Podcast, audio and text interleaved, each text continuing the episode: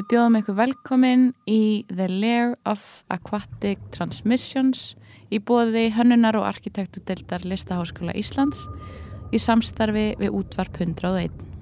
Þetta er vettfangur fyrir samtal um hönnun, listir, vísindi og svo framvegis, um framtíðina, spekuleringar og fleira. Ég heiti Garðar Ejjólfsson og er dósend við hönnunar og arkitektudeld við Listaháskóla Íslands. Og ég heiti Valgerður Byrna og er vöruhönnan nemi á fyrsta ári.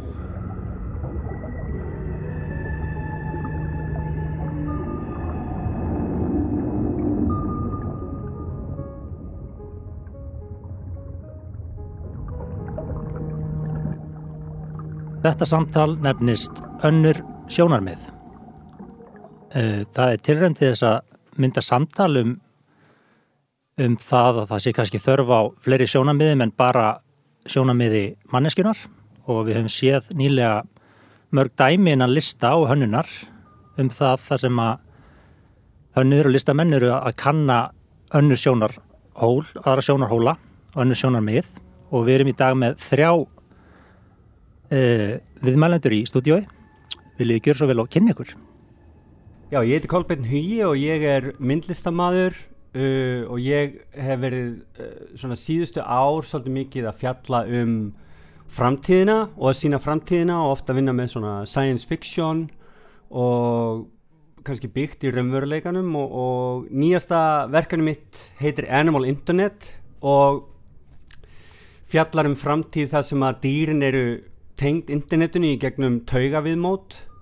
og það verkefni er allt nokkuð skona æfing í því að færa okkar sjónarhól út fyrir því mannlæga og skoða okkur sjálf og heiminn út frá linsu dýra internetsins og gegnum svona internetkultúr. Búi heiti ég og starfa sem hönnuður og í tengslu þetta viðfánsefni þá var kannski svona opna, opnuðust augum mín gagvart því að sjá sjónarhól annara í gegnum verkefnum sem ég vann með UNICEF sem tengist því að, að skilja upplifun flótabarna af komunu til Íslands. Og svona í gegnum það verkefni og það reyna að setja sig í spór annara þá held ég áfram og fór líka að skoða svona fleiri fyrirbæri og, og þess að tilraun að reyna að sjá heiminn e, frá öðrum sjónarhóli og fór þaðan í að skoða hafið og hvort það sé hægt að sjá heiminn frá sjónarhóli hafsins, svona sérstaklega í tengslum við náttúruvend og hvernig við komum fram við umhverfið kringum okkur. Og svo núna síðast er það verkefnið mannirkjustöðin sem er svona eiginleg þjónustu miðstöð fyrir fólk sem vil tilenga sér plöntu miðuð viðhorf til lífsins. Já, ég heiti Haldur Armand og ég er rittuundur og um, um, hvað var það þetta málefni önnur sjónarótt þá hérna, fekk ég mikinn áhuga á, á þessu því að að ég lærður lögfræðingur. Fekk ég svona mikinn áhuga því hvernig, hvernig rétta, réttarkerfið í rauninni gerir ekki ráð fyrir öðrum sjónarhóndum og hérna, já Já, frábært, takk. Ég heiti Vala og þetta var Garðar sem þið heyrðið í hann í byrjun. Um, eins og kom fram í kynningunni að þá hafið þið allir verið að pæla í eða vinna með önnur sjónahorn. Er það mikilvægt í samhenginu að pæla í því, að tala um það? Kolbeinn? Ég held að sé í fyrsta lagi mjög mikilvægt að, að pæla í því ef að við viljum búa í heimi þar sem að önnur sjónarátt skipta máli uh, mér finnst við oft tala um eins og að önnur sjónarhóttn eigi að skipta máli en, en svo kannski skoðum við ofta ekki samfélagið uh, eins og það er og hvaða hleypir rauninu rosalega þröngum sjónamiðum að ef við hugsum, hugsum þetta í bara svona hinnu stóra samhengi náttúrunar og þegar er verið að taka allskins ákvarðanir varandi hvernig hlutinir eiga að vera þá oft í mannlegu samfélagi og svo framvegis þá eru þessar ákvarðanir yfirleitt teknar út frá rosalega þröngum sjónamið, mjög oft lögfræðilega þröngum en líka oft hleypu við ímyndunararflinu okkar mjög skamt varandi hvernig heimurinn gæti verið eða hvernig heimurinn uh, gæti þróast og, vi, og við göngum alltaf út frá þessu súper uh, sjálfsmiða mannlæga sjónarhóttni við nánast allar ákvarðinni sem eru tekna, líka varðandi náttúruvernd og svo framvegist þannig að ég held að það sé mjög mikilvægt ef okkur er alvara með uh, náttúruvernd og svo framvegis að, að horfa út fyrir það mannlæga og, og, og reyna, reyna að ímynda okkur hvernig, hvernig er að vera eitthvað annað en mannvera sem allar ákvarðanir eru teknar út frá uh, já, til að gefa öðrum öðrum tækifæri til þess að lifa líka í þessum heimi. Já, emitt uh, Búið, þú hefur verið að velta svolítið fyrir þér þessu um, að horfa út frá sagt, augum plöntunar eða plönturíkisins. Mm -hmm. hvernig er það mikilvægt fyrir okkur að identifæja sem eitthvað annað en manneskjur? Um, þú veist, ég, það er bara erfitt að segja þú veist er, er tilraunin að sjá heiminn frá sjónarhóli einhvers annars þess verði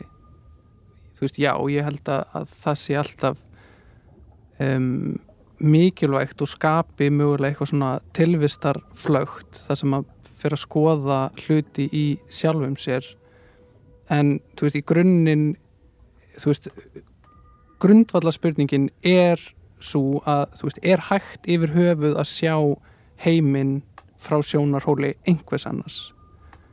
Og þú veist og bara líka núna þú veist ef við tölum um svona forrættindastöðu að þú veist að það er svona erfitt að tjá sig um málefni annars fólks ef maður tilherir ekki hópnum.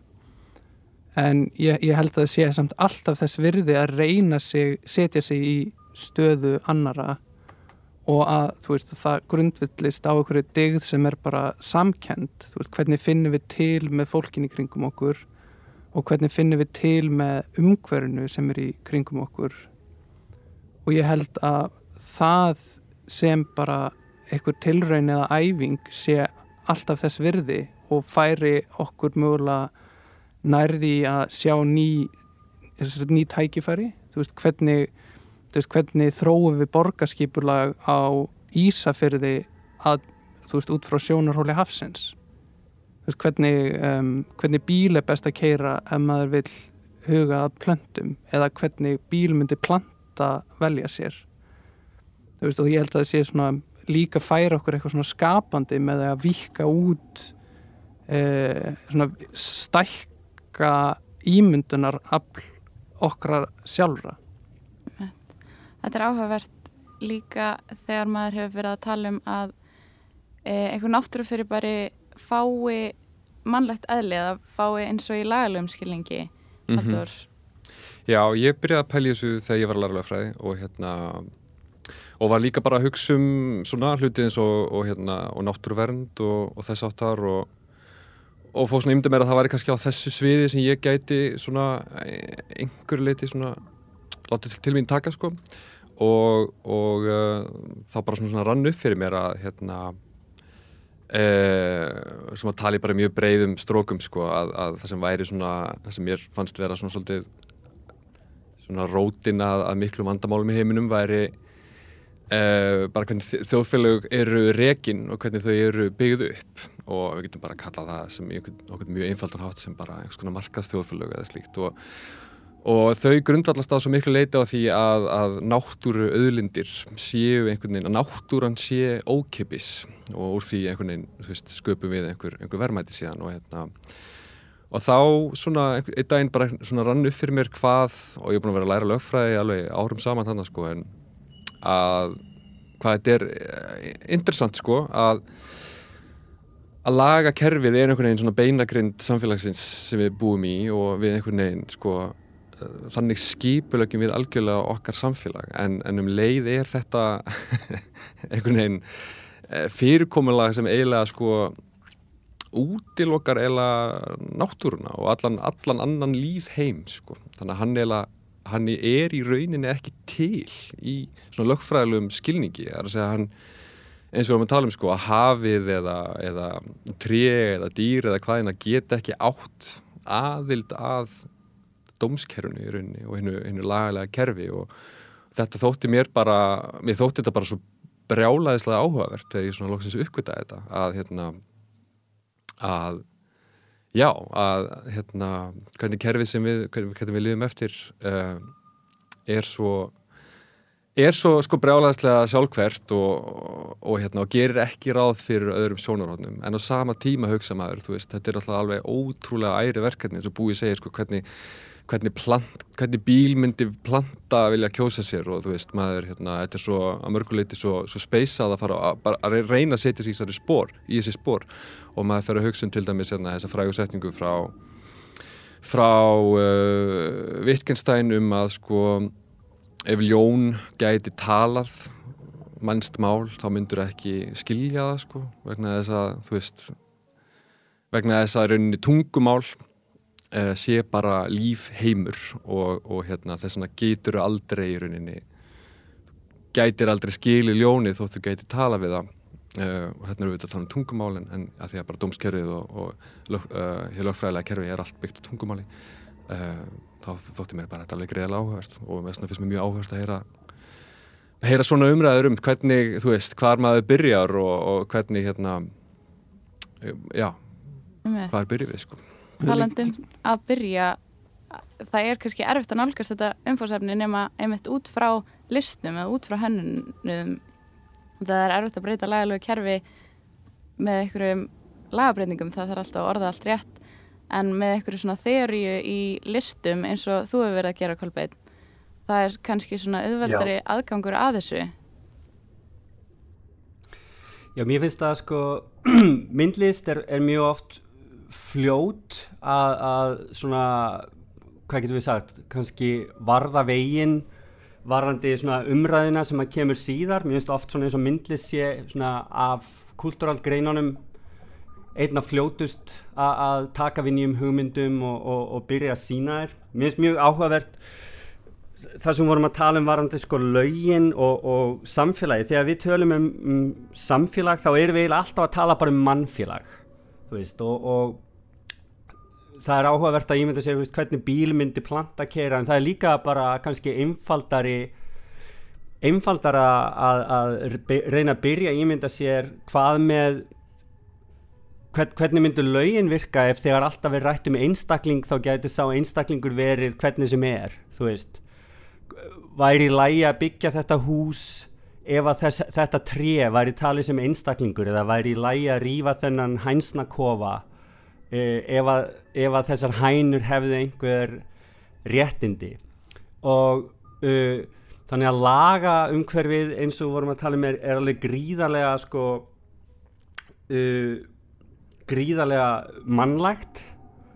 þú veist það eru nánast engin lög sem að fjalla um, um neitt sem að viðkemur dýrum. Það eru þú veist örf, örf á lögum um velferð dýra og, og svo framvegis. En allur kúltúrin okkar er líka svo rosalega þú veist mannlægur. Það, það er fyrir rosalega lítið fyrir því alltaf þegar við segjum við við verðum að laga þetta, við verðum að laga hitt. Þegar við tölum um að við verðum að laga plánutuna það er alltaf verið að svona, hugsa um mannfólkið. Og alltaf þegar við segjum við þá eigum við bara við mannfólkið. Og ég held að sko myndlistin og kúltúrin hefur möguleika á því að þú veist reyna að gefa fólki tækifæri til þess að hugsa út, út fyrir mannfólki þegar við segjum við. Það er hægt að gera það með, með kúltúr. Kúltúr er oft bara einhver æfingi í ímyndunaraflinu. Mhm. Akkurat Nei, ég, að, þú veist, ég bara líka þú veist, á þessum punktum ég, það eru líka samt sko fordæmi í lagakerfi fyrir því að tala fyrir hönd einhvers annars. Þannig að þú veist, ég held að það sé líka þú veist, að ég bara, bara eins og myndlist hefur, þú veist í setni tíð líka alveg verið að stíga inn á flei, þú veist, á vettvang hins lagalega. Að, að þú veist, lög getur verið plattform fyrir, fyrir skapandi verkefni alveg eins og hvað annað. Þannig að þú veist ég held að þessi þar líka sem er svo spennand að byrja að þú veist ímynda sér veist, hver, hver ver náttúruna. Þú veist ef við, seg, ef við göngumst við hugmyndinu um að, að tré eigi tilvist og hafi einhverja aðild að lagakerfi þú veist hvernig tölum við fyrir höndess og þú veist, við eigum fordæmi fyrir því, þú veist, við eigum þú veist, það eru fóstur eru, held ég, eiga geta átt aðild að laga máli og börn geta það líka jafnvel þó þau hafa ekki börði til þess að skilja umhverfið sem byrtist þeim í lagaheiminum. Og síðan þú veist líka bara að um, þar sem að þú veist aðrir menningarheimar sem að hafa tilengað sér þetta viðhorf sem er, eða ekki tilengað sér það bara þú veist er hluta þeirra kosmosu er að þú veist að horfa á umhverfið og náttúruna sem hluta af þú veist sínum forfæðrum eða tilherra sinni fjölskyldu að þá kom allt í hennu upp dæmi þar sem að, að,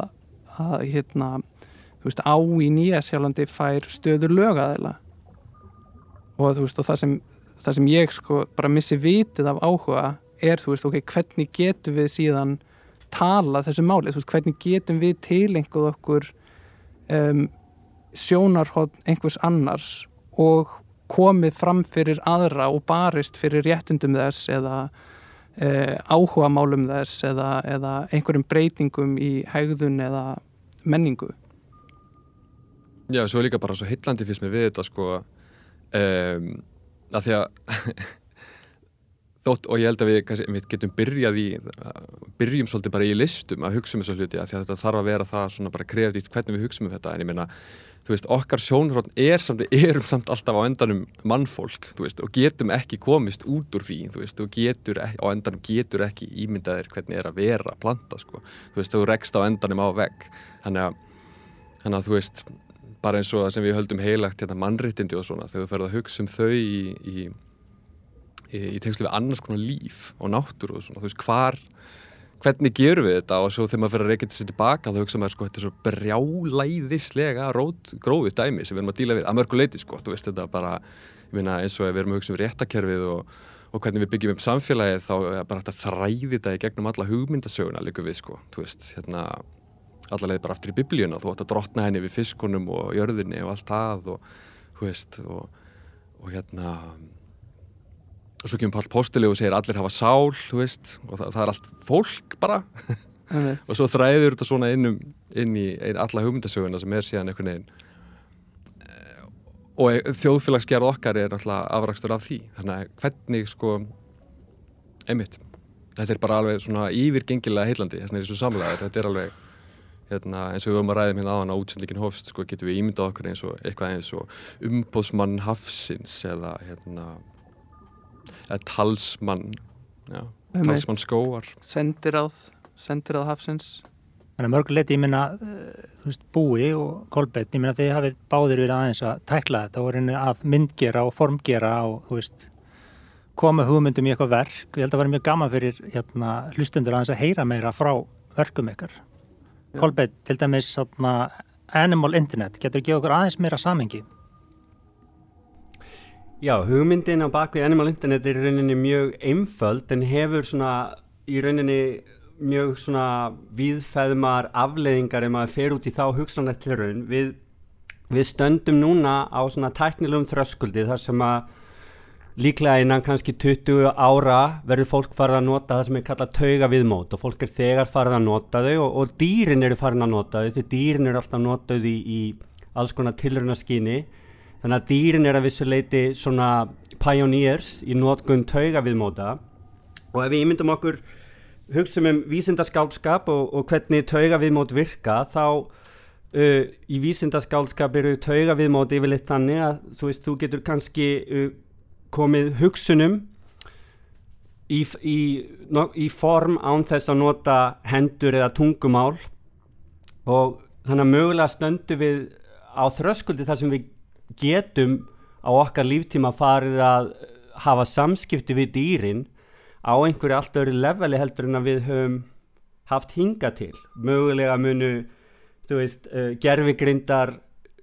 algoritmar þý, geta þýtt tilfinningar þýtt tilfinningar viðbrögð og við getum hugsanlega tengst dýranum í gegnum taugaviðmátt og þau tengst hvert öðru. Og ef þú fer að hugsa þá hugmynd lengra, þú veist, munu dýrin fara að taka þátt í kapitalismanum muni dýrin fara að selja okkur þjónustu og kaupa af okkur þjónustu uh, hvernig, hva, hvað muni við fara að borða? Það er þetta að hugsa þetta og, og, ótrúlega langar og áhugaverðar áttir en, en mér finnst spennandi að ég held að við mögulega ge- geti dýra interneti orðið að einhvers konar veruleika allavega í fra fjallari framtíð og, og mögulega í, á líftíma þeirra sem er að hlusta núna. Akkurat og kannski að sveipaðan átt búið, þú ert svona kannski tekur meira uh, stöðu plöntunar. Einmitt, sko, svona mín nálgun grundvallast í svona hugmyndinu um þetta augnablík þar sem að maður upplifir sig sem hluta af einhverju stærri held og svona grundvallast að miklu leiti um svona uh, hérna, heimsbyggi fagufræðinar og, og hins svona mikilfenglega. Og þetta eru þessi svona augnablík þar sem að veist, svona verið í þórsmörk eða standa frammi fyrir hérna, standa á reikinnesvita og sjá einhvern veginn bremið lenda á klettunum eða horfa upp í stjörnubjartan heiminn. Og allt í hennu kemur svona augnablík þar sem að um, hugmyndin um hvar ég byrja eða hvar manneskjan byrjar og hvar hún endar verður svona að einhverjum ambjans verður eitthvað svona flögt þar sem að ég og umhverfi mitt renna saman. Og þú veist, þú getur gerst í fjölmörgum tilfellum, ég meina bara fólk sem el elskar að kera mótuhjól. Þú veist að þetta er svona eitthvað svona moment þar sem að maður kemst svona in the zone eða og, og móturhjólið og manneskjan verður einhvern veginn svona uh, byrja að flökta á einhverju svipaðri bylgjulengt og, og svona heimurinn verður hluti af því. Þannig að svona, þetta er svona kannski hugmyndin sem ég geng út frá og þá síðan þú veist, getur við ítt fólki nærð þessum upplifunum, þú veist, er hægt að búa til hérna, leiðsagnir um náttúru sem að taka þetta sem svona grundvallar viðmið um tengsl og hvernig svona er hægt að móta það? Bæði með því, þú veist, að syngja eða, þú veist, hlusta, lykta, snerta um, þannig að það er, svona, það er nálgunni sem ég hef verið að, að skoða og svona kannski minna út frá tækni þó að það sé mjög áhugavert líka. Einmitt, Þetta er allt mjög áhugavert en bara tíminn hljóf frá okkur. E, Takk fyrir að koma og takk fyrir að hlusta. Takk fyrir okkur. Takk fyrir mig. Já, takk fyrir mig